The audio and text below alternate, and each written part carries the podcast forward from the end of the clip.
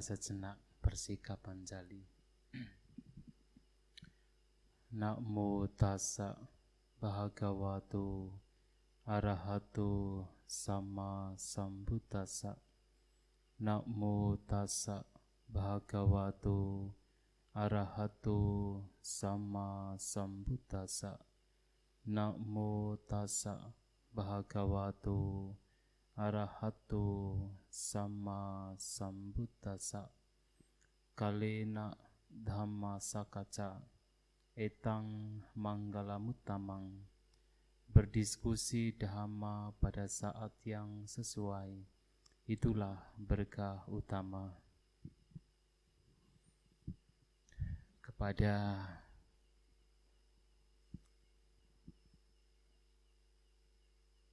Romo Pandita yang mungkin hadir di sini yang terhormat. Pada Bapak Ibu saudara sekalian yang berbahagia selamat malam semuanya. Namo buddhaya. Ya sesuai dengan apa yang dijadwalkan malam ini kita akan membahas tentang praktek panca bali atau praktek lima sesajian. Tetapi sebelum kita berbicara tentang panca bali, ada hal lain yang juga mesti diketahui, terutama berkaitan dengan kekayaan. Karena mau tidak mau, praktek panca bali itu dilakukan terutama setelah seseorang memperoleh yaitu materi atau kekayaan. Bapak Ibu Saudara sekalian, ada satu anggapan dan juga satu kecenderungan bahwa dalam agama Buddha itu dianggap bahwa materi itu tidak penting. Bahwa kekayaan itu tidak penting. Karena Sang Buddha mengajarkan melepas, melepas, dan melepas. Jadi ada anggapan di masyarakat Buddhis bahwa materi itu tidak penting. Kalau menurut Bapak Ibu Saudara sekalian, anggapan demikian benar atau salah? Salah ya. ya. Jadi jelas salah. Sang Buddha meskipun mengajak umatnya, mengajak para siswanya untuk melatih melepas, itu bukan berarti tidak boleh kaya. Bukan berarti tidak boleh mengumpulkan materi.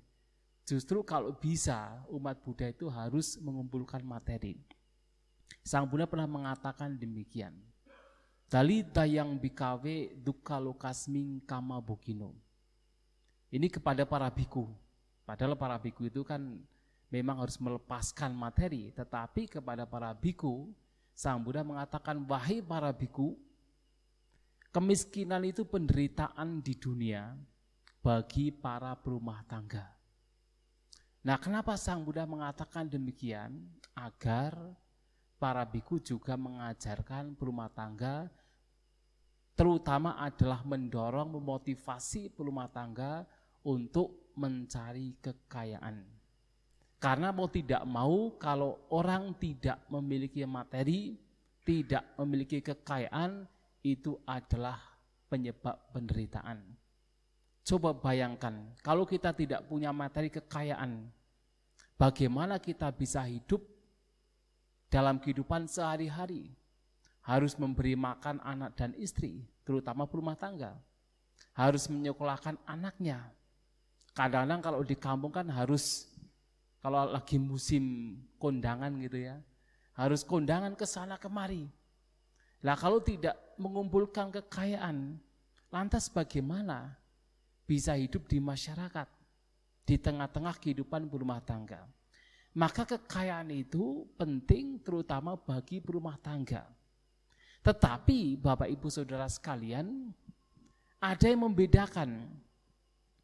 Kalau orang tidak mengenal dhamma, tidak mengetahui dhamma, ajaran Sang Buddha, bisa saja dia menjadi kaya, tetapi dia mencari kekayaan dengan cara yang salah. Nah tetapi kalau orang sudah mengenal dhamma, sudah mengerti dhamma, maka dhamma ini akan menjadi rambu-rambu. Walaupun seseorang mencari kekayaan, mengumpulkan kekayaan, tetapi orang demikian masih menjadikan dhamma sebagai rambu-rambunya. Artinya bedanya adalah kalau orang tidak mengenal dhamma, maka dia di dalam mencari kekayaan dan menggunakan kekayaan itu bisa dengan cara yang salah. Justru dengan cara yang menghancurkan dirinya sendiri maupun menghancurkan makhluk lain. Tetapi kalau orang mengenal dhamma, mengetahui dhamma, seseorang boleh mencari kekayaan, kenapa tidak? Boleh mengumpulkan kekayaan, itu memang sudah menjadi kewajibannya sebagai berumah tangga. Tetapi karena mengenal dhamma, mengetahui dhamma, maka dhamma ini akan menjadi rambu-rambunya. Maka orang demikian akan mencari dan menggunakan dengan cara yang benar. Itu bedanya. Lantas bagaimana mencari dan menggunakan dengan cara yang benar? Nah kalau orang mengetahui dhamma, mengenal dhamma, dia akan mencari kekayaan tanpa melupakan nilai-nilai moralitas. Artinya, orang akan mencari kekayaan bukan dengan cara membunuh. Orang mencari kekayaan bukan dengan cara mencuri atau korupsi. Orang mencari kekayaan bukan dengan cara berbohong atau main ya yang licik yang tidak sesuai dengan dhamma. Orang mencari kekayaan bukan dengan cara menghancurkan makhluk lainnya, maka di dalam khutbah Sang Buddha ada beberapa hal yang tidak boleh diperjualbelikan. Yaitu seperti memperjualbelikan senjata. Nah senjata di sini bukan senjata dapur ya. Kalau senjata dapur tidak masalah, itu kan digunakan untuk ya urusan rumah tangga. Yang dimasuk di sini adalah senjata yang digunakan untuk membunuh. Nah itu tidak boleh. Termasuk adalah menjual racun. Karena racun juga ujung-ujungnya adalah untuk membunuh. Itu juga tidak diperkenankan. Nah kalau seperti ini agak ilegal, ada orang-orang yang bahkan menjual budak. Termasuk adalah menjual seperti pelacuran. Nah itu tidak sesuai dengan dhamma ajaran Sang Buddha. Nah, selama menjadi, selama mencari kekayaan tanpa melupakan nilai-nilai moralitas, tidak dengan cara membunuh, tidak dengan cara mencuri, tidak dengan cara merugikan makhluk lain. Nah, itu diperkenankan oleh Sang Buddha. Maka yang pertama yang harus diingat adalah mencari pekerjaan yang sesuai. Nah itu penting sekali. Kemudian setelah mencari pekerjaan yang sesuai, mendapatkan memperoleh pekerjaan yang sesuai, apa yang mesti dilakukan? Yang pertama adalah tekuni pekerjaan tersebut. Maka ada syarat-syarat Sang Buddha mengatakan kalau ingin kaya, kalau ingin kaya, maka ada beberapa syarat yang mesti dilakukan. Yang pertama adalah utana sambada Udana Sambada adalah memiliki ketekunan, memiliki kerajinan. Maksudnya rajin, tekun dengan apa yang dilakukan. Kalau misalnya kita menjadi seorang petani, maka tekuni sebagai seorang petani. Nah saya pribadi dulu pernah menjadi seorang petani, maka saya tahu. Kadang-kadang kalau orang di kampung itu ya, saya tidak tahu di sini, sebelum pergi ke ladang, Pagi-pagi jam 7 sudah sudah mau pergi ke ladang, tapi mampir dulu ke rumah orang lain. Ngopi dulu, apa e, ngelinting tembakau dulu sampai jam 9. Baru pergi ke ladang. Nanti sebelum sebelum makan pulang dari ladang. Lah kalau begitu caranya kapan kayanya? Kalau yang dilakukan itu bermalas-malasan, tidak menekuni, tidak rajin, ketika menjadi seorang petani, kapan menjadi kaya? Kapan bisa mengumpulkan Apa yang harus dikumpulkan? Kekayaan. Maka apa pun pekerjaan yang dimiliki kalau memang menjadi seorang petani, lakukan sebagai seorang petani. Harus rajin. Habis makan pagi, langsung pergi ke ladang. Melakukan apa saja yang bisa dilakukan di ladang. Kalau memang menjadi seorang petani sawah, ya lakukan apa pun agar sukses di dalam sebagai seorang petani dalam merawat padinya. Tidak membiarkan misalnya rumput-rumput yang memang tidak berguna itu tumbuh lebih liar daripada tumbuhan yang memang digunakan. Maka betul-betul melakukan tugasnya kewajibannya dengan baik sebagai seorang petani. Kalau sebagai seorang pedagang juga sama. Maka Sang Buddha pernah mengatakan kalau menjadi seorang pedagang, maka dia harus rajin pagi-pagi sebelum orang-orang itu sudah bangun, dia bangun duluan untuk membuka tokonya. Pagi, siang, sore, dia harus betul-betul mempunyai ketekunan di dalam menjaga tokonya. Jadi tidak bermalas-malasan jam 12 baru dibuka. Ya orang-orang yang mau beli barang yang di toko ya akan pergi ke toko lain. Tapi dilakukan dengan tekun, dengan rajin. Itu yang disebut utana sampada. Utana itu artinya apa? Semangat. Dana itu artinya berdiri, berdiri artinya semangat. Mempunyai semangat, mempunyai ketekunan rajin. Nah, dengan tekun, dengan rajin, dengan semangat terhadap pekerjaan yang dimiliki, maka pasti akan memberikan hasil, akan memberikan manfaat akan memunculkan buah, buah kekayaan. Nah, tugas yang kedua kalau sudah memiliki hasil dari pekerjaan yang dimiliki, maka tugas yang kedua adalah araka sampada. Araka artinya menjaga. Dengan cara apa? Ditabung. Maka kalau kalau ada orang mengatakan dalam agama Buddha itu ada tidak konsep menabung. Araka sambata inilah yang disebut menabung. Artinya apa yang dimiliki, apa yang telah dihasilkan itu harus dijaga, harus dirawat, harus ditabung. Dan itu penting sekali mungkin kalau hidup di kota mungkin orang sudah mempunyai budaya menabung ya. Tetapi kalau di kampung itu, nah kalau saya dari kampung daerah pegunungan di sana. Kalau di sini masih masih ya kalau saya lihat masih ya kota juga sebenarnya. Kalau tempat saya itu kampung. Dan saya tahu persis orang-orang kampung itu sangat sulit untuk memiliki budaya menabung. Sangat sulit. Sehingga apa? Seberapa banyak pun hasil yang diperoleh itu pasti habis. Kalau sedikit ya hidup sederhana, makan sedikit, ibarnya tidak makan tidak masalah asal kumpul. Kalau dapat banyak itu akan habis. Jadi tidak bisa memanage, tidak bisa mengatur, tidak bisa menabung. Maka budaya menabung itu penting. Jadi apa yang telah dihasilkan itu hendaknya ditabung. Dijaga, dirawat. Kalau memang misalnya tidak bisa menabung di bank, misalnya kok tidak bisa menabung di bank, ya kalau misalnya mau ditabung di apa di, dibelikan sebagai emas gitu kan, perhiasan itu juga bisa.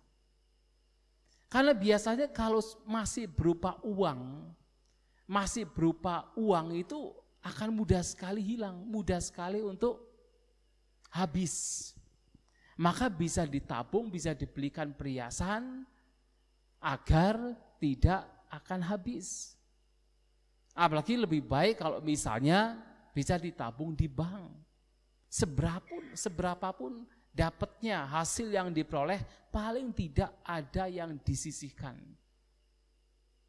Dan budaya ini hendaknya justru harus ditradisikan di dalam masyarakat Buddhis. Kalau ingin sukses, selain tekun, selain rajin, maka harus ada budaya untuk menabung, budaya untuk menjaga hasil buah yang telah diperoleh. Ini yang kedua. Nah, yang ketiga adalah memiliki teman yang baik. Jadi, kalau ingin sukses, ingin kaya, selain tekun, selain mampu menabung, menyimpan hasil yang telah diperoleh, juga harus memiliki teman yang baik.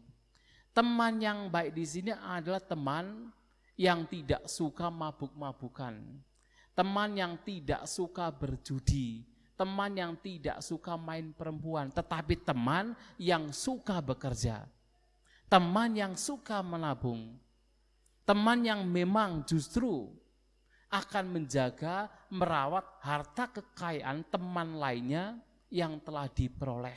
Itu teman yang baik. Karena seberapapun banyaknya hasil yang diperoleh, kalau asosiasi kita adalah dengan orang-orang yang suka mabuk-mabukan, orang-orang yang suka berjudi, orang yang suka main perempuan misalnya, lama-kelamaan juga akan ikut-ikutan. Lama-kelamaan juga akan terpengaruh untuk main judi, untuk mabuk-mabukan. Kalau sudah berjudi, sudah mabuk-mabukan, akan muncul apa? Kemalasan. Tidak mau bekerja lagi. Sudah uangnya digunakan untuk berjudi, untuk mabuk-mabukan, sudah malas muncul, tidak mau bekerja. Seberapapun banyaknya uang yang diperoleh, hasil yang diperoleh, itu akan habis. Maka teman yang baik juga penting, terutama kalau Anda sekalian ingin mencari kekayaan, ingin mengumpulkan kekayaan. Ya kalau di kampung mungkin ya untuk mencari teman yang baik itu sangat mudah. Karena asosiasi di kampung kan ya, ya sederhana. Tidak yang sampai berjudi, tidak yang sampai mabuk-mabukan. Sehingga lebih mudah Nah kemudian yang keempat adalah harus memiliki yang disebut sama jiwita. Sama jiwita itu artinya adalah hidup seimbang. Hidup seimbang ini artinya adalah mengetahui antara pemasukan dan pengeluaran. Artinya adalah orang demikian akan menggunakan kekayaan tanpa kemudian menghancurkan kekayaan tersebut hanya untuk berfoya-foya. Jadi tahu seberapa income, seberapa outcome. Jadi kalau income-nya sedikit, maka dia harus menggunakan dengan penuh hati-hati. Kalaupun seandainya income-nya banyak, dia pun harus menggunakan dengan sederhana, tidak berlebihan, sesuai dengan kebutuhan. Artinya hidup seimbang sama jivita, hidup seimbang. Karena seberapapun banyaknya hasil yang diperoleh kalau hidupnya tidak teratur, hidupnya tidak seimbang, suka berfoya-foya, menggunakan sesuatu yang sebenarnya tidak berguna. Misalnya TV, baru dua tahun dibeli, kemudian dibuang diganti TV yang baru. Atau misalnya handphone, baru satu tahun dibeli, Kemudian karena melihat temannya itu punya handphone baru, kemudian iri muncul, kemudian membeli handphone yang baru. Hidup tidak seimbang, tidak teratur. Hanya karena iri hati dengan lainnya, kemudian mengeluarkan biaya yang sebenarnya tidak dibutuhkan. Ya sebenarnya tidak diperlukan. Hanya karena cemburu dengan yang lainnya, kemudian sampai misalnya jual tanah. Sampai misalnya jual sapi dan dengan hidup yang tidak teratur demikian pun, seberapapun banyaknya hasil yang diperoleh, itu akan tetap habis. Maka menggunakan kekayaan pun itu harus dengan hati-hati. Kalau memang sesuatu masih bisa digunakan, sandal masih bisa digunakan, untuk apa misalnya kita beli yang baru, kalau itu masih bisa digunakan. Kalau misalnya baju-baju lama juga masih bisa digunakan. Dan sebenarnya tidak butuh sekali untuk membeli baju baru. Kenapa misalnya? harus membeli baju yang baru. Kalau misalnya televisi misalnya masih bisa digunakan, masih bagus, masih masih bisa dilihat dengan baik, kenapa hanya karena iri dengan lainnya kemudian membeli televisi yang baru? Kalau seandainya kemudian membuang harta materi yang sebenarnya tidak digunakan, yang sebenarnya barang tersebut tidak dibutuhkan.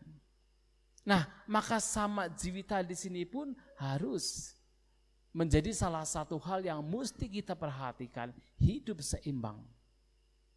Nah, jadi untuk menjadi sukses itu Sang Buddha pernah memberikan caranya.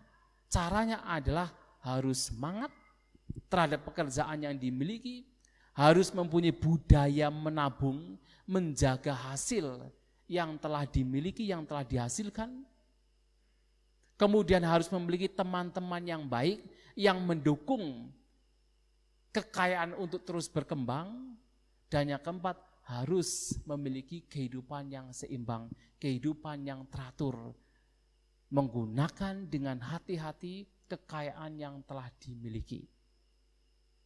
Nah, kalau kekayaan sudah dimiliki, materi sudah dimiliki, maka sekarang bagaimana seseorang menggunakan dengan cara yang bijak?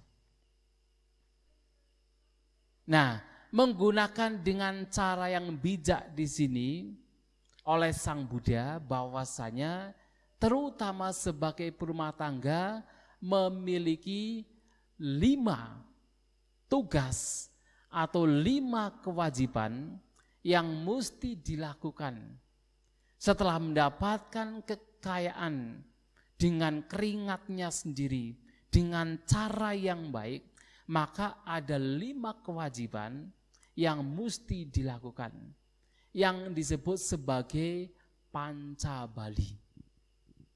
Panca itu artinya lima, Bali itu artinya sesajian atau persembahan. Jadi lima sesajian atau lima persembahan.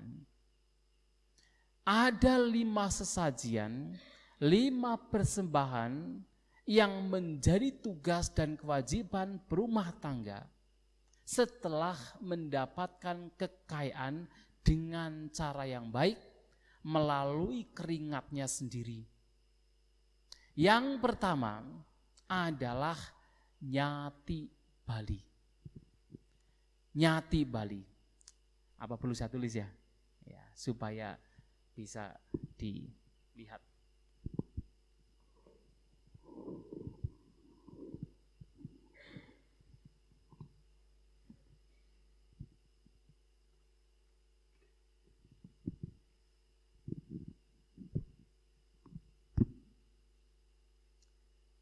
Lima sesajian panca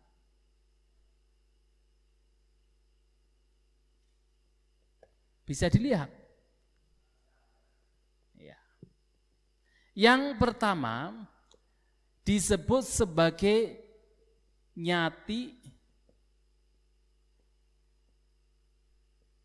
Bali. Nyati Bali. Artinya adalah sesajian terhadap kerabat. Ya.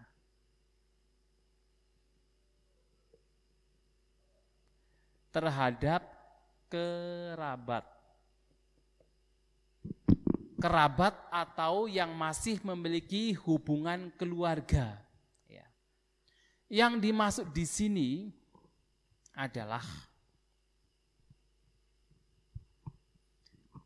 setelah mendapatkan kekayaan, maka seseorang tidak hanya menggunakan kekayaan itu untuk dirinya sendiri, tetapi juga untuk orang-orang yang masih memiliki hubungan keluarga.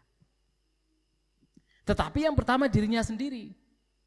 Maka Sang Buddha di dalam khotbah-khotbah beliau banyak sekali, tidak hanya satu dua, banyak khotbah beliau mengatakan bahwa setelah seseorang mendapatkan kekayaan, maka yang pertama yang harus dilakukan adalah atanang suketi bineti. Memberikan kebahagiaan, memberikan kepuasan untuk dirinya sendiri. Kenapa tidak untuk orang lain dulu? Kenapa untuk dirinya sendiri dulu? Jelas. Yang pertama adalah untuk dirinya sendiri.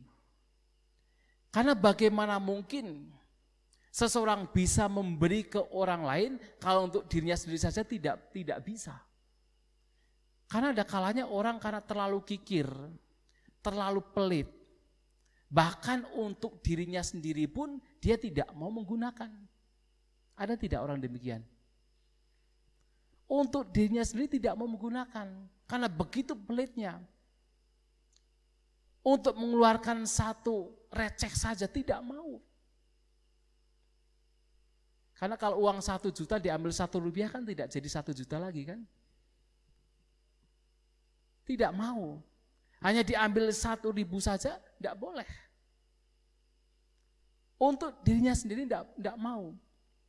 Maka yang pertama, setelah mendapatkan kekayaan adalah memberikan kepuasan, memberikan kebahagiaan untuk dirinya sendiri. Nah, baru kemudian adalah untuk yang kedua, yang bagian dari nyati Bali, sesajian. Nah, di sini yang dimaksud sesajian tidak bukan sesajian memberikan kayak dupa, bunga bukannya, tetapi sesajian dalam arti menyokong kerabat menyokong keluarga. Nah, yang kedua adalah mata pitaro suketi pineti. Memberikan kebahagiaan, memberikan kepuasan untuk mata pitaro. Mata itu adalah ibu, pitaro adalah ayah. Ibu dan ayah. Artinya memberikan kepuasan, kebahagiaan untuk orang tua. Jadi setelah dirinya sendiri, maka yang kedua adalah untuk orang tua. Dan yang ketiga untuk siapa? Kalau dia adalah sebagai kepala rumah tangga, sebagai seorang suami, maka yang yang ketiga, ya yang ketiga adalah Puta darasa suketi pineti. Memberikan kebahagiaan, kebuasan untuk puta, anak, dan darah istri. Untuk anak dan istri. Jadi untuk orang tua, untuk anak dan istri. Maka kalau di dalam Manggala Suta, di antara beberapa berkah yang bisa diperoleh. Dan itu berkah utama. Yang bisa diperoleh oleh siapa pun adalah mata pitu upadanang puta dara sanggahu mata pitu upadanang menyokong ibu dan ayah menyokong orang tua. Mata pitu upadanang puta dara sanggahu juga sama sebenarnya menyokong mendukung anak dan istri. Jadi mendukung, menyokong, merawat orang tua, merawat anak dan istri dengan kekayaan yang dimiliki, itu bagian dari nyati Bali. Dan tidak hanya demikian, tentunya adalah nyati Bali juga meliputi adalah dengan menyokong semuanya, termasuk sanak keluarga, kakak adik, saudara yang masih hidup, kalau memang mempunyai kekayaan, maka ketika misalnya saudara, adik atau kakaknya yang yang butuh pertolongan, ya tugas. Tugas sebagai seorang berumah tangga, sebagai seorang manusia, sebagai seorang berumah tangga adalah menyokong mereka. Dan ini tugas yang pertama, nyati Bali, memberikan sesajian persembahan dalam arti menyokong, membantu sanak keluarga, membantu kerabat. Yang pertama adalah membantu orang tua, yang kedua adalah membantu anak dan istri, dan juga tentunya adalah membantu saudara. atau orang-orang yang masih mempunyai hubungan keluarga yang memang membutuhkan pertolongan. Jadi tidak hanya digunakan untuk dirinya sendiri. Nah, kalau sudah demikian caranya, artinya seseorang memiliki kekayaan, sudah mencari kekayaan dengan cara yang baik, yang kedua menggunakan kekayaan juga juga dengan cara yang baik, sesuai dengan dhamma. Dan mencari menggunakan kekayaan demikian itu tidak menjadi hal yang buruk. Bahkan itu menjadi hal yang berguna. Berguna tidak hanya untuk diri sendiri, tetapi untuk orang lain. Berguna tidak hanya dalam kehidupan duniawi, bahkan itu pun berguna di dalam kehidupan spiritual. Karena membantu menolong orang lain, itu adalah cara bagaimana, salah satu cara bagaimana kita mampu melepaskan, melenyapkan kemelekatan, melenyapkan keserakahan, melenyapkan kekikiran. Yang pertama nyati Bali, yang kedua, yang kedua adalah atiti Bali. Atiti Bali. Ada yang tahu artinya atiti Bali? Ya.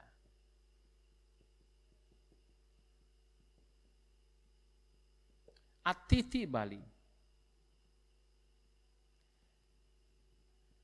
sajian terhadap tamu. Pada tamu. Jadi kalau yang pertama itu berhubungan dengan keluarga sendiri. Jadi memberikan kepuasan, kebahagiaan untuk keluarganya sendiri. Yang kedua adalah untuk tamu. Nah tamu di sini adalah siapa pun yang datang menjadi tamu tetangga sekitar, masyarakat sekitar. Artinya memberikan, menyokong mereka, memberikan sesajen, memberikan jejamuan kepada mereka. Siapa pun yang datang, bertamu di rumah, tugas. Tuan rumah tentunya memberikan apa yang ada di rumah. Paling tidak adalah memberikan minum. Kalau memang tidak bisa memberikan makanan, dan kalaupun tidak bisa memberikan makanan atau minuman yang mewah, berikanlah yang sederhana.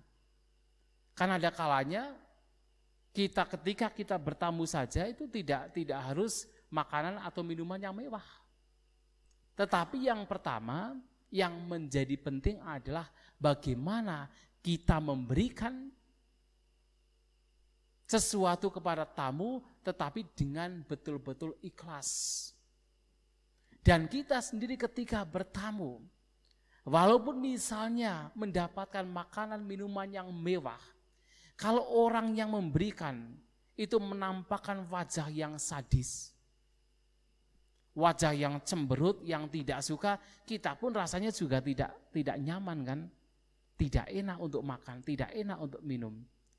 Tetapi kalau sederhana hanya air putih, kalau dia memberikan dengan smiling, dengan senyum, dengan ramah, dengan kata-kata yang menyenangkan, kita pun juga merasa senang.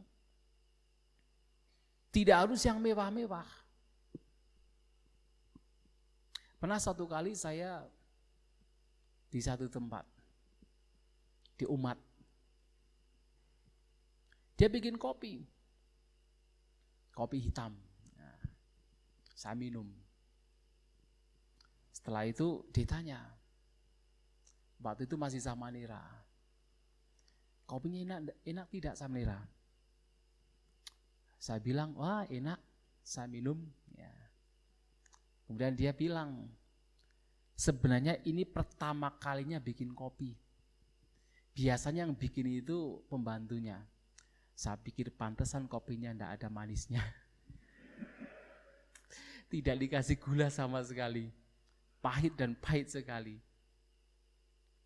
Tetapi karena saya melihat orang ini memberi dengan dengan senang hati, dengan ikhlas, dengan ramah, betul-betul ingin memberi, walaupun rasanya tidak nyaman, ya mungkin di lidah tidak nyaman, tetapi di batin itu nyaman, merasa senang juga, tidak ada masalah.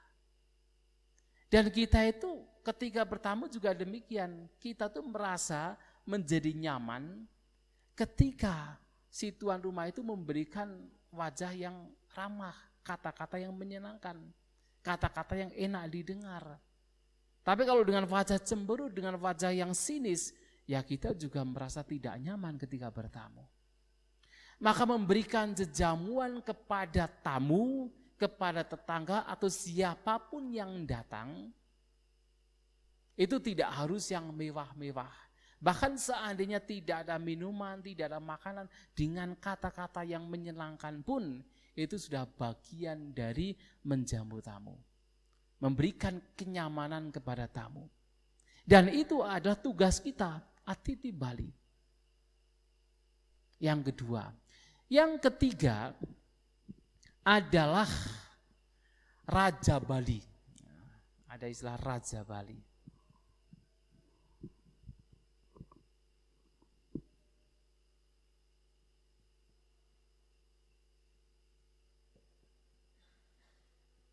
Ada yang tahu artinya Raja Bali? Raja.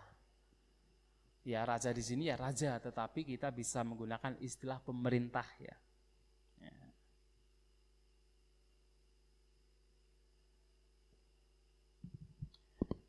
Jadi memberikan sesajian terhadap atau kepada ya, kita menggunakan istilah kepada saja.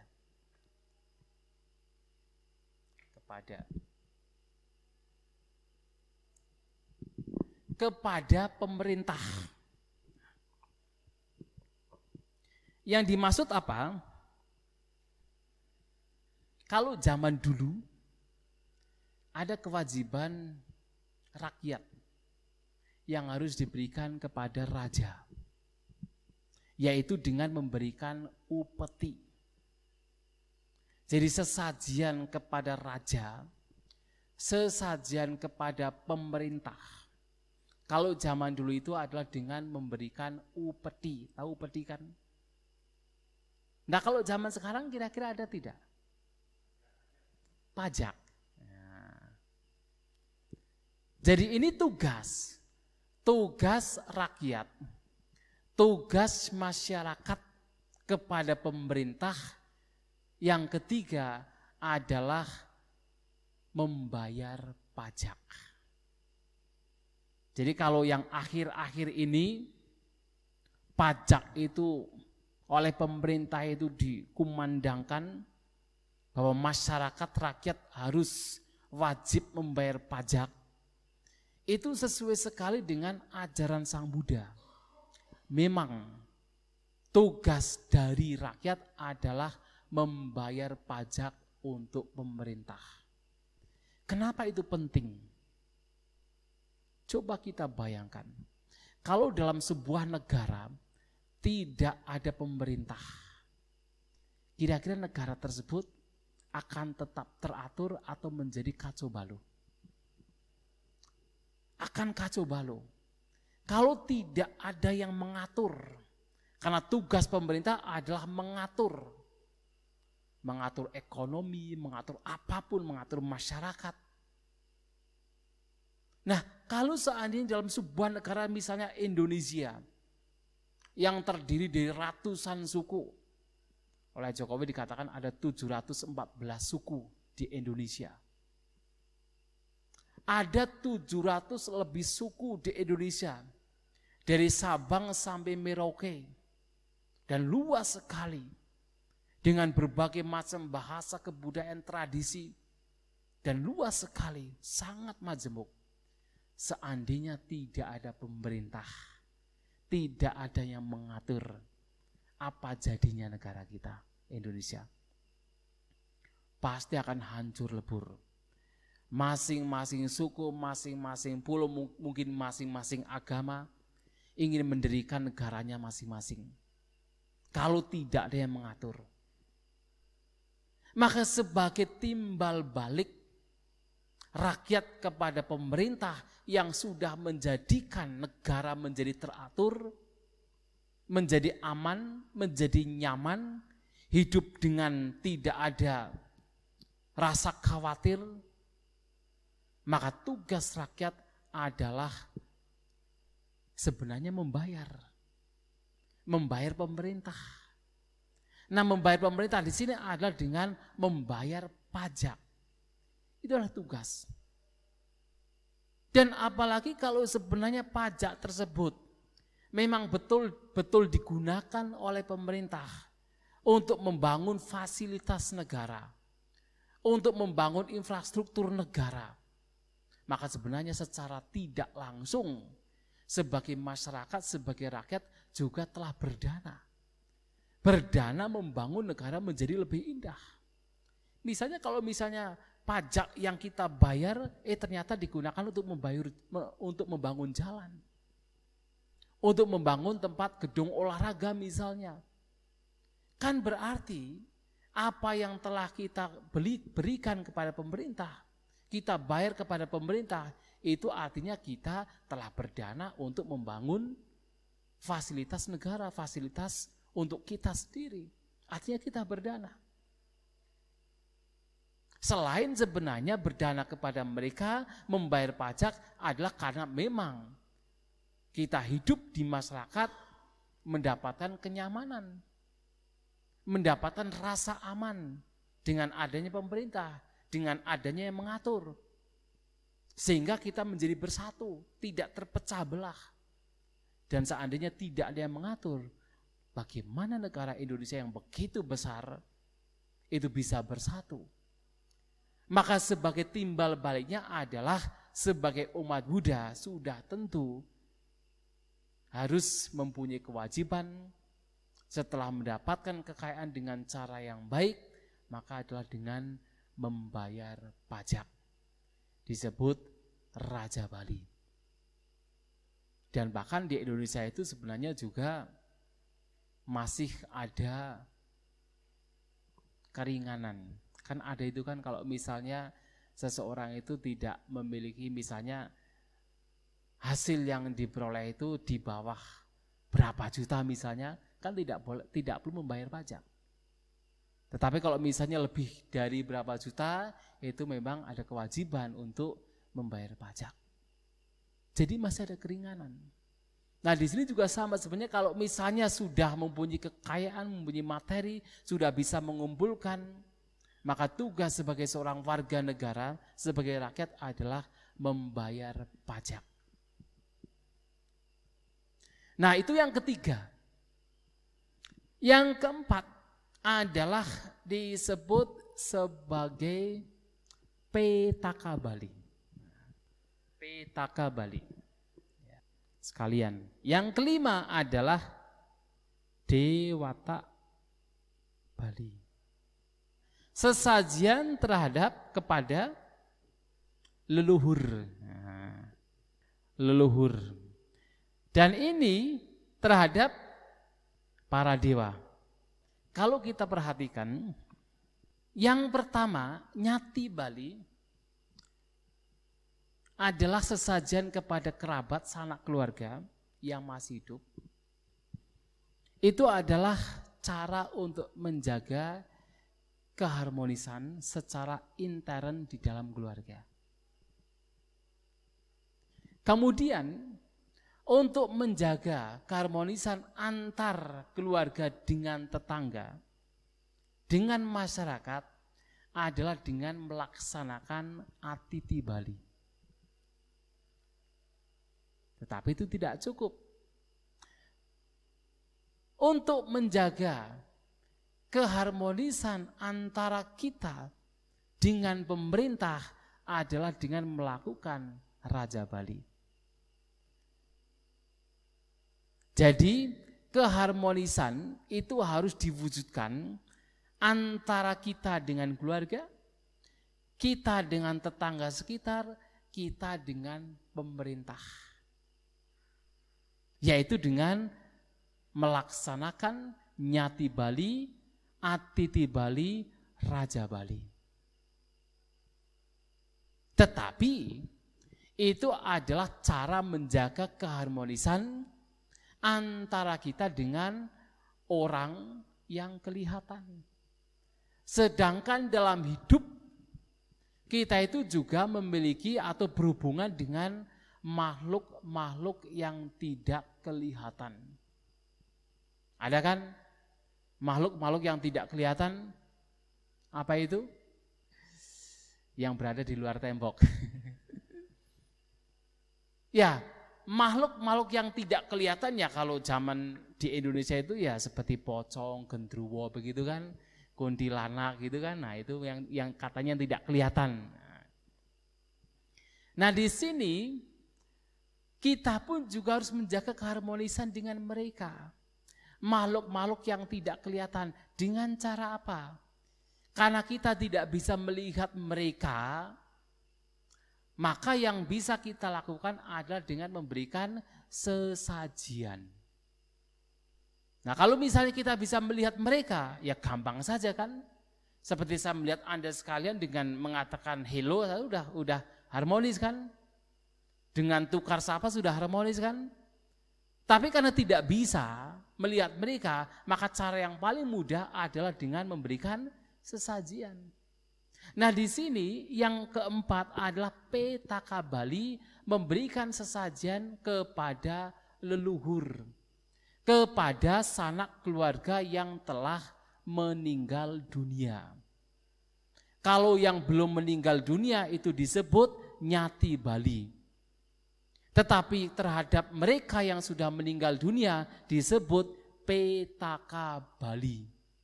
Kepada leluhur. Bagaimana memberikan sesajen kepada mereka?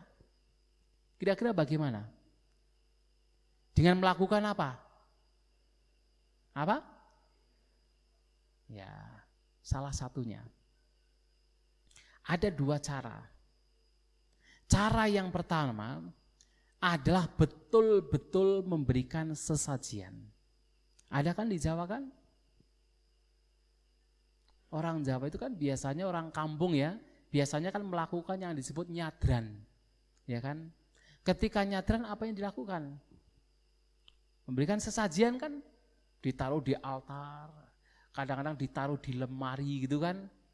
Makanan, minuman, ada ada kopi, ada teh, ditaruh di altar. Kemudian berpikir ini adalah untuk leluhur. Kira-kira cara demikian berguna tidak? Berguna tidak? Berguna tidak? Bingung kan? Ya.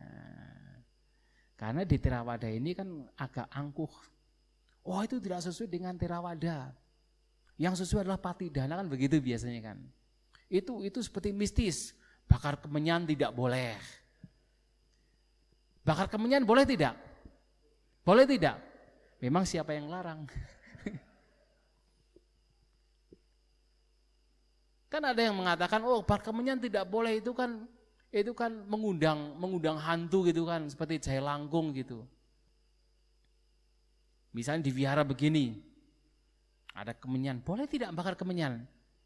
Boleh tidak? Loh kenapa tidak? Kan tergantung tujuannya kan. Tujuannya bakar kemenyan itu untuk apa? Kalau tujuan bakar kemenyan untuk untuk apa? Untuk ngerokok begini ya janganlah dibiarkan. kan. Kalau bakar kemenyan tujuannya untuk penghormatan kepada Sang Buddha, kenapa tidak? Karena bau kemenyan juga wangi juga kan. Nah kalau di negara seperti Sri Lanka mereka bakar kemenyan. Jadi kalau pagi-pagi itu ada ada semacam kayak apa namanya? Jadi kayak aluminium dikasih api yang masih membara begitu, kemudian ditaburi kemenyan. Kemudian keliling wihara begini. Oh, baunya wangi sekali begitu. Apakah Anda boleh? Ya boleh saja. Wong itu adalah untuk apa? Untuk penghormatan kepada Sang Buddha, kepada Dhamma, kepada Sangga, memberikan wewangian kepada mereka, bukan untuk mengundang hantu. Tidak masalah. Nah, juga PTK Bali memberikan sesajian itu juga diperbolehkan. Kenapa tidak? Maka ada dua cara. Yang cara pertama adalah betul-betul memberikan sesajian. Ada satu khutbah yang diberikan oleh Sang Buddha disebut Janu Soni Sutta. Nah, khutbah yang diberikan Sang Buddha kepada seorang Brahmana bernama Janusoni. Nah, Janusoni itu adalah nama orang. Nama yang berasal dari kasta Brahmana. Kalau di India, Sampai sekarang pun masih ada masyarakat itu dibagi menjadi beberapa kasta. Ada Brahmana, ada Kesatria, ada Waisa, ada Sudra. Nah, ini kasta Brahmana. Datang kepada Sang Buddha dan bertanya, Bante, kami itu mempunyai tradisi yang disebut sebagai sada. Jadi ia mengatakan bertanya, Danang deva sadani karuma. Kami selalu memberikan dana dan kami juga selalu melakukan sada. Apakah sada yang kami lakukan ini memang betul-betul di makan atau dinikmati oleh leluhur atau tidak? Nah, sada. Istilah yang digunakan dalam bahasa Pali adalah sada yang sering diterjemahkan sebagai keyakinan. Tetapi sada di sini bukan bukan keyakinan. Sada yang dimaksud kalau di tradisi Brahmana dalam bahasa Sanskerta itu adalah srada. Dalam tradisi mereka adalah mereka memberikan sesajian kepada leluhur. Seperti yang dilakukan oleh orang kampung orang Jawa memberikan sesajen kepada leluhur. Itu adalah serada bagi mereka. Yang kemudian diadopsi di Jawa menjadi apa? Nyadran. Jadi istilah sada menjadi serada, karena Sanskerta itu serada, menjadi nyadran. Maka pertanyaan yang diberikan, dilontarkan kepada Sang Buddha adalah, kami melakukan nyadran. Nah, gambarnya kan begitu kami melakukan nyadran, apakah betul yang kami lakukan ini, sesajian yang kami berikan ini dinikmati oleh leluhur atau tidak? Maka Sang Buddha dalam khutbah tersebut memberikan penjelasan. Jadi kalau makhluk-makhluk yang ada di alam neraka tidak bisa menikmati. Yang ada di alam asura juga tidak bisa menikmati yang ada di alam binatang juga tidak bisa menikmati. Ternyata Sang Buddha mengatakan memang makhluk-makhluk peta itu bisa menikmati sesajian yang kita persembahkan. Makanya tradisi memberikan sesajian itu bukan tradisi yang bertentangan dengan ajaran Sang Buddha. Itu juga telah dianjurkan oleh Sang Buddha. Maka disebut petaka Bali. Memberikan sesajen kepada leluhur. Hanya saja ini kan memberikan sesajen dalam bentuk materi. Jadi memberikan makanan dalam bentuk materi. Setelah dimakan, ya habis juga kan. Tetapi ada cara lain. Kalau ini memberikan sesajen dalam bentuk materi, yang cara yang kedua adalah memberikan makanan dalam bentuk batiniah. Dengan cara apa? Dengan cara mengajak leluhur, mengajak mereka yang telah meninggal dunia, sanak keluarga yang meninggal dunia untuk berbahagia dengan kebajikan yang kita lakukan. Nah inilah yang disebut patidana. Nah kalau patidana itu tidak memberikan sesajian, tetapi kita berbuat kebajikan kita berbuat kebajikan atas nama leluhur yang telah meninggal dunia. Artinya mengajak leluhur untuk berbahagia, itu memberikan makanan batiniah. Dan itu juga sangat berguna. Dan memberikan makanan secara batiniah demikian, kalau betul-betul makhluk peta atau leluhur itu bahagia dengan kebajikan yang dilakukan oleh kita sebagai keluarga yang masih hidup, Bahkan cara demikian bisa membawa kebahagiaan batin mereka itu sendiri membawa kepada kelahiran yang lebih baik. Membebaskan penderitaan mereka dari alam penderitaan karena terlahir di alam beta. Nah, dua-duanya ini bisa dilakukan. Dengan memberikan sesajian secara materi, artinya memberikan makanan, dan yang kedua adalah dengan berpati dana. Mengajak mereka untuk berbahagia dengan kebajikan yang kita lakukan. Dua-duanya bisa dilakukan. Dan itu yang disebut sebagai petaka Bali. Ya, jadi sesajian itu bisa demikian. Nah, yang keempat, yang kelima adalah dengan yang disebut sebagai Dewata Bali. Memberikan sesajian kepada para dewa. Nah, biasanya kan ada kalau di tradisi Chinese ya, kan mereka pergi ke kelenteng, kemudian menghormat, memberikan puja kepada para dewa di sana kan, memberikan sesajian kepada para dewa yang di sana. Itu bukan hal yang salah. Itu juga hal yang baik. Karena di sini juga salah satu tugas berumah tangga adalah Dewata Bali. Memberikan sesajian kepada para dewa. Kenapa sekali lagi bahwa kehidupan kita tidak hanya berasosiasi dengan makhluk-makhluk yang kelihatan. Tetapi juga dengan makhluk-makhluk yang tidak kelihatan. Di tengah-tengah kita juga ada makhluk-makhluk yang kita kenal sebagai makhluk dewa. Memang bukan dewa dari alam tawatingsa, bukan dewa dari alam Yama atau alam Dusita, tetapi dewa yang masih berhubungan dengan alam manusia. Yang masih dekat dengan alam manusia yang disebut sebagai Dewa Catu Maharajika. Nah mereka ada beberapa juga dewa-dewa yang memang berdiam, bertempat tinggal di tempat-tempat yang disakralkan Memberikan sesajian kepada para dewa artinya betul-betul memberikan sesajian apakah berupa makanan, berupa minuman, berupa bunga, berupa dupa di tempat-tempat yang disakralkan. Seperti apa? Biasanya kalau dalam satu wilayah atau satu kampung kan ada pasti tempat yang disakralkan. Ada kan? Misalnya di kampung tertentu ada pohon beringin yang besar yang dianggap sebagai tempat yang sakral. Atau di kampung lain ada sumber mata air yang disakralkan. Atau tempat lain mungkin ada kelenteng atau pagoda yang memang disakralkan. Di tempat-tempat itulah Berumah tangga bisa memberikan sesajian.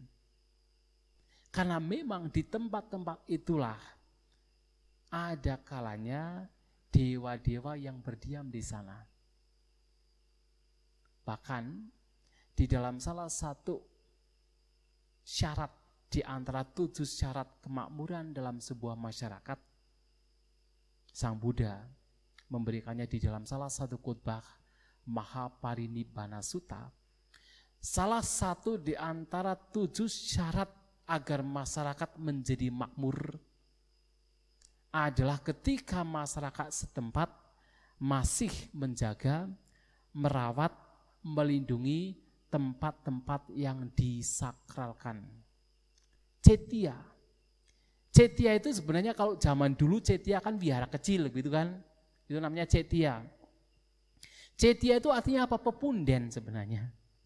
Cetia itu pepunden atau tempat yang dipundi-pundi, tempat yang disakralkan, tempat yang dianggap, ya kalau orang mengatakan angker begitu. Itu pepunden. Nah kalau masyarakat setempat itu masih menjaga, merawat, memelihara tempat-tempat demikian, dan itu dikatakan sebagai salah satu syarat untuk menjadikan masyarakat tersebut menjadi makmur. Lantas hubungannya apa? Hubungan antara menjaga pepunden tempat yang disakralkan dengan kemakmuran masyarakat. Nah, di dalam kitab komentar, nah, kitab yang juga ditulis oleh para biku zaman kuno, dikatakan bahwa memang di tempat-tempat tersebut biasanya ada dewa-dewa yang diam di sana Dewa-dewa yang biasanya menjaga tempat tertentu, wilayah tertentu. Kalau di Jawa itu ada istilah sing bau rekso. Nah sing bau rekso itu adalah dewa, sebenarnya dewa memang bukan dewa tinggi, dewa yang rendah. Tetapi itu adalah dewa yang menjadi pelindung tempat tersebut, wilayah tersebut. Sing bau rekso. Jangan dikira kalau istilah sing bau rekso itu bukan istilah Buddhis. Bau rekso itu dari kata apa? Bahu raka. Bahu, bahu itu kekuatan raka itu pelindung. Kekuatan yang melindungi. Kemudian dalam bahasa Sanskerta atau bahasa Sanskrit menjadi bahu raksa. Jadi raka itu bahasa Pali, raksa itu bahasa Sanskerta. Kemudian lama-kelamaan di Jawa menjadi apa? Bau rekso. Dari kata bahu raka menjadi bahu raksa, menjadi bahu rekso.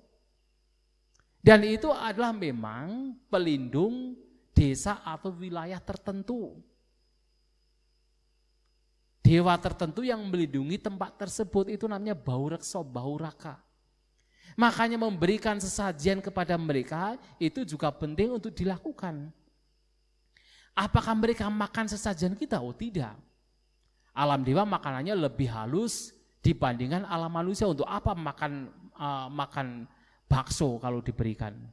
Dewa makan bakso tidak ada. Atau minum kopi, tidak ada dewa minum kopi. Tidak demikian, tetapi kenapa mesti dilakukan? Itu adalah sebagai wujud hormat kita kepada para dewa. Itu juga bagian dari apa? Puja, cak puja nianang menghormat kepada yang patut dihormati. Siapa yang patut dihormati? Ya orang yang lebih tua dari kita. Nah biasanya para dewa kan lebih tua dari kita kan. Sing borokso biasanya kan lebih tua dari kita kan. Karena mereka sudah ada duluan, kita lahir belakangan. Maka tugas kita adalah menghormati mereka. Karena me memang mereka patut dihormati, karena lebih tua dari kita. Apalagi kalau dalam Buddhis dewa, untuk terlahir sebagai dewa itu tidak mudah. Harus menanam banyak kebajikan baru terlahir sebagai dewa. Bahkan salah satu bentuk meditasi yang diajarkan oleh Sang Buddha adalah apa? Dewa Tanusati. Merenungkan kebajikan para dewa. Nah pada saat memberikan penghormatan dengan memberikan sesajian kepada para dewa, merenungkan kebajikan mereka, kenapa tidak? Itu juga bagian dari bentuk meditasi juga. Selain juga melakukan dewata Bali. Dan itu bukan yang bukan hal yang salah dengan memberikan sesajian. Makanya kalau buka di dalam Paritara Tanasuta, nah Sang Buddha malahan mengatakan, mengajak, meminta kepada para dewa untuk melindungi mereka yang telah memberikan sesajian siang dan malam. Meminta kepada para dewa untuk melindungi mereka siapa pun yang memberikan sesajian siang dan malam. Karena para dewa pun juga masih suka untuk dihormati. Meskipun tidak makan makanan sesajian yang dipersembahkan, mereka itu suka, mereka senang. Senang keberadaannya itu diakui. Senang tempat tinggalnya itu dibersihkan, dirawat, dijaga. Sehingga sebagai timbal baliknya ketika mereka senang. Ya kalau orang tua senang dengan anak. Anaknya berbakti, anaknya penurut, anaknya pandai cerdas. Apa pun akan diberikan untuk anaknya. Demikian pula kalau kita masyarakat juga memberikan sesajian menghormati para dewa, mengakui keberadaan mereka, menjaga, merawat tempat mereka yang disakralkan. Ya sebagai timbal baliknya mereka juga akan menjaga kita, merawat kita entah dengan cara bagaimana mereka menjaga merawat kita. Nah, oleh karena itu, mengapa Dewata Bali itu patut untuk dilakukan? Itu juga salah satu cara untuk menjaga keharmonisan antara kita dengan yang tidak kelihatan. Dan makanya penting uh, kalau saya melihat patut sekali seperti di Bali ya. Kenapa di Bali itu disebut sebagai Pulau Dewata? Karena banyak sesajian di sana. Hampir semua fenomena, hampir semua objek itu diberi sesajian di sana. Bahkan sampai mobil saja diberi sesajian. Pernah ke sana kan? Mobil saja diberi sesajian. Sering kadang-kadang kalau ya kita naik mobil kemudian langsung dikasih bunga dulu. Diberi sesajian. Tetapi kalau kita perhatikan di Bali itu unik juga. Dengan kondisi masyarakat yang yang masih suka memberikan sesajian di sana itu juga ada rasa nyaman juga di sana. Kita merasa nyaman di sana udaranya, melihat orang-orangnya, suasananya itu berbeda sekali.